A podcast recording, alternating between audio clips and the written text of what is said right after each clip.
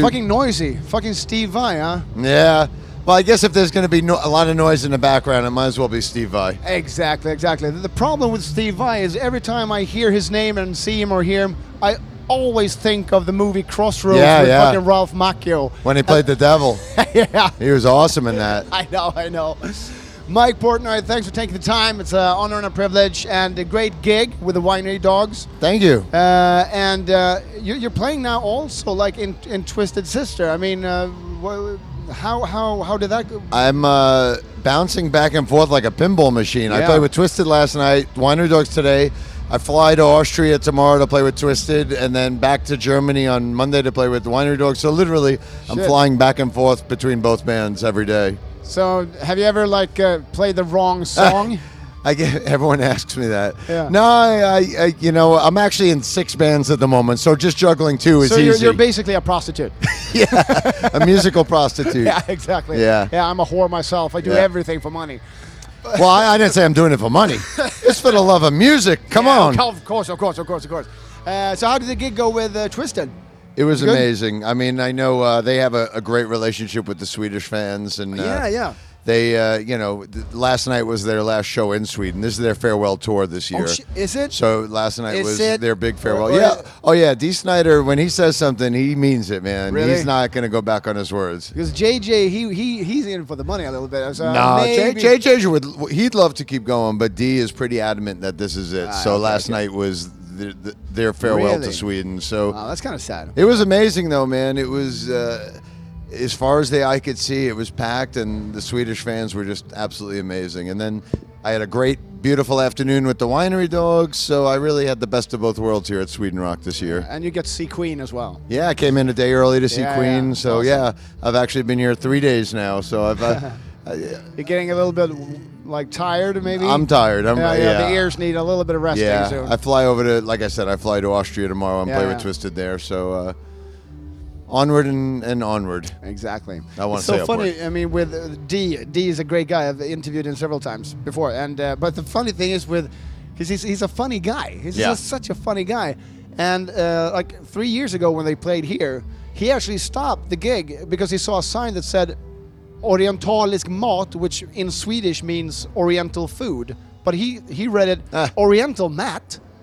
stop, stop, stop. Who the hell buys an Oriental mat at a festival? And then 30,000 people try to explain, no, no, it's it's food. Actually. He's really, and I've said this even before I was in the band. I've said this for the last 25 years that Dee is the ultimate frontman. I think Oh, he's yeah, one yeah, of the greatest frontmen of all time. I remember seeing Twisted back in around 86 playing an arena to, you know, 15,000 people and he stopped the show and pulled the guy from the very very back row of the arena, had him come up to the front row just because he was rock. You know, Dee saw him rocking out in the back of the venue. I mean, just shit like that is makes him the, the coolest guy in rock ever. And now I get to look at his ass every night. Yeah, exactly, exactly. But so, how, how many gigs uh, have you played now with the Twisted? Uh, well, I was with them all last year as well after after AJ Yeah. passed away, sadly. So uh, we did about a dozen shows last summer, and there'll be about another dozen shows this summer, and that's it. But you're in six bands. I mean, what what what all other bands do, are there? Well, we got except for the Twisted, we got the Winery Dogs, Yeah. we got uh, Transatlantic, who's Oh, yeah. on hiatus at the moment. Then my band Flying Colors with with uh, Steve Morse from Deep Purple and uh, Casey McPherson and Dave LaRue. Then I got the Neal Morse Band, uh, who will have a new album coming out in the fall, and I'll be out Cool. with them most of next year. And then I also have uh, Metal Allegiance, which is my project with the guys from Megadeth and Testament and Anthrax Ah, and Slayer cool. and Pantera. That's kind of like my my metal project. Yeah. What's of this band? I mean, because um, I'm, a, I'm a drummer myself, and uh, do you feel wh- wh- which band gives you the most, or is it is it fun to have different projects? They, they all give me different satisfaction. Every one of these six bands are different from each other musically, so they each give me something unique. And I'm just a huge music lover, you know. Like I, I got asked at the press conference yesterday with Twisted, like, you know, I'm kind of known for playing progressive music with Dream Theater, but you know, how how is it that you're playing with Twisted Sister, playing this simple music? It's like, look, man, I'm a f- music fan. I love everything from Slayer to the Beatles, you know, and and that's why you know once I left Dream Theater, I wanted to spread my wings and do as much different kind Yeah, of music exactly. as I can. You know, I'm a musician and a music lover. That's I want to do it all. You know, I don't. I didn't want to be confined to one genre of progressive music for the rest of my life. I needed to spread my wings and play with lots of different people. Because like in Dream Theater, you, you really need like a calculator and a ruler to actually Yeah. just you know keep up. How how the hell?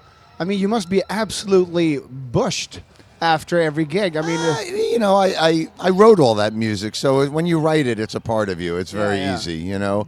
And there's something to be said for that type of music. You know, I enjoyed that for most of my career.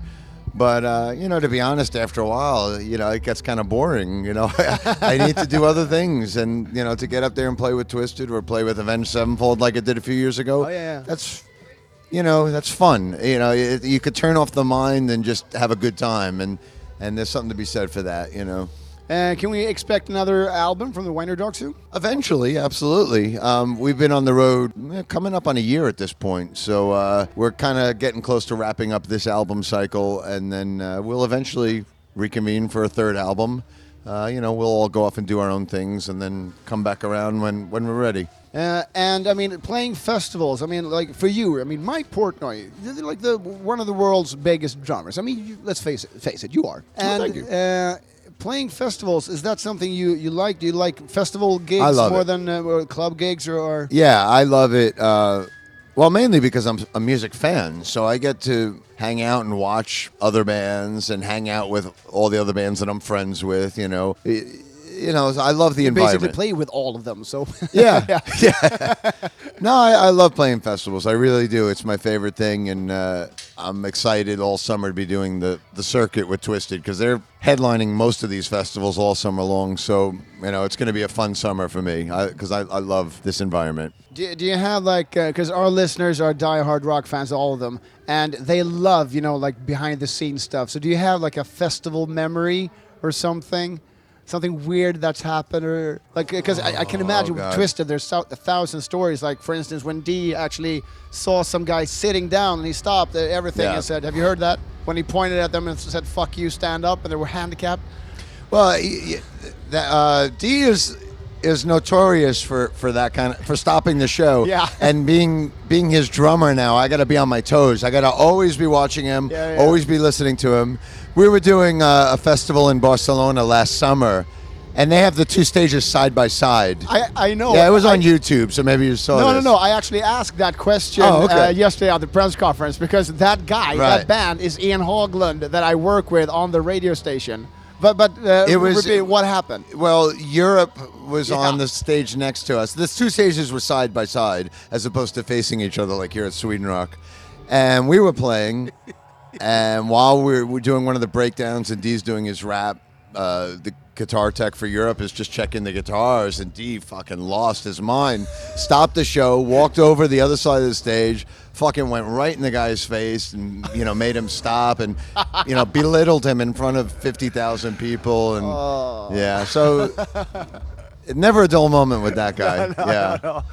And there's uh, I mean, I love the the documentary that's uh, just out. It's on Netflix, by the way. It's a little tip. We Yeah, we are it's Twisted amazing. fucking sisters. Great. It's amazing that they, uh, you know, they had a good ten-year career before Oh, yeah. anybody even And knew hustled, about them. really, I mean, I, I saw them back in those days Oh, because really? I, I Yeah, grew up on Long Island, exactly. so I was like a sixteen-year-old kid sneaking into the clubs with fake ID and watch seeing them in the clubs Shit, really. back then. Were you at one of the legendary ones Yeah, where they yeah. tore the place apart? Oh yeah, they Really? were they were the ultimate club band back then. But between you know seventy four to eighty two or whatever, you know they couldn't get a record deal. They couldn't get signed. know. They played thousands and thousands of gigs.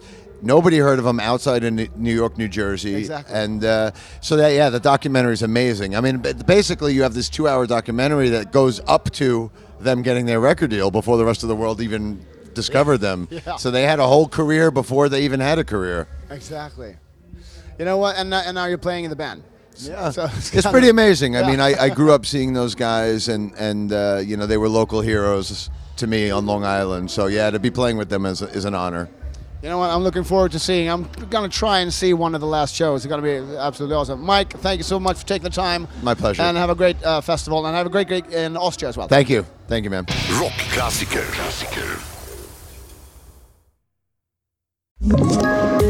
Poddtips från Podplay. I podden Något Kaiko garanterar östgötarna Brutti och jag, Davva, dig en stor dos skratt. Där följer jag pladask för köttätandet igen. Man är lite som en jävla vampyr. Man har fått lite blodsmak och då måste man ha mer. Udda spaningar, fängslande anekdoter och en och annan arg rant. Jag måste ha mitt kaffe på morgonen för annars är jag ingen trevlig människa. Då är du ingen trevlig människa, punkt. Något Kaiko, hör du på Podplay. Därför arkadeinerna.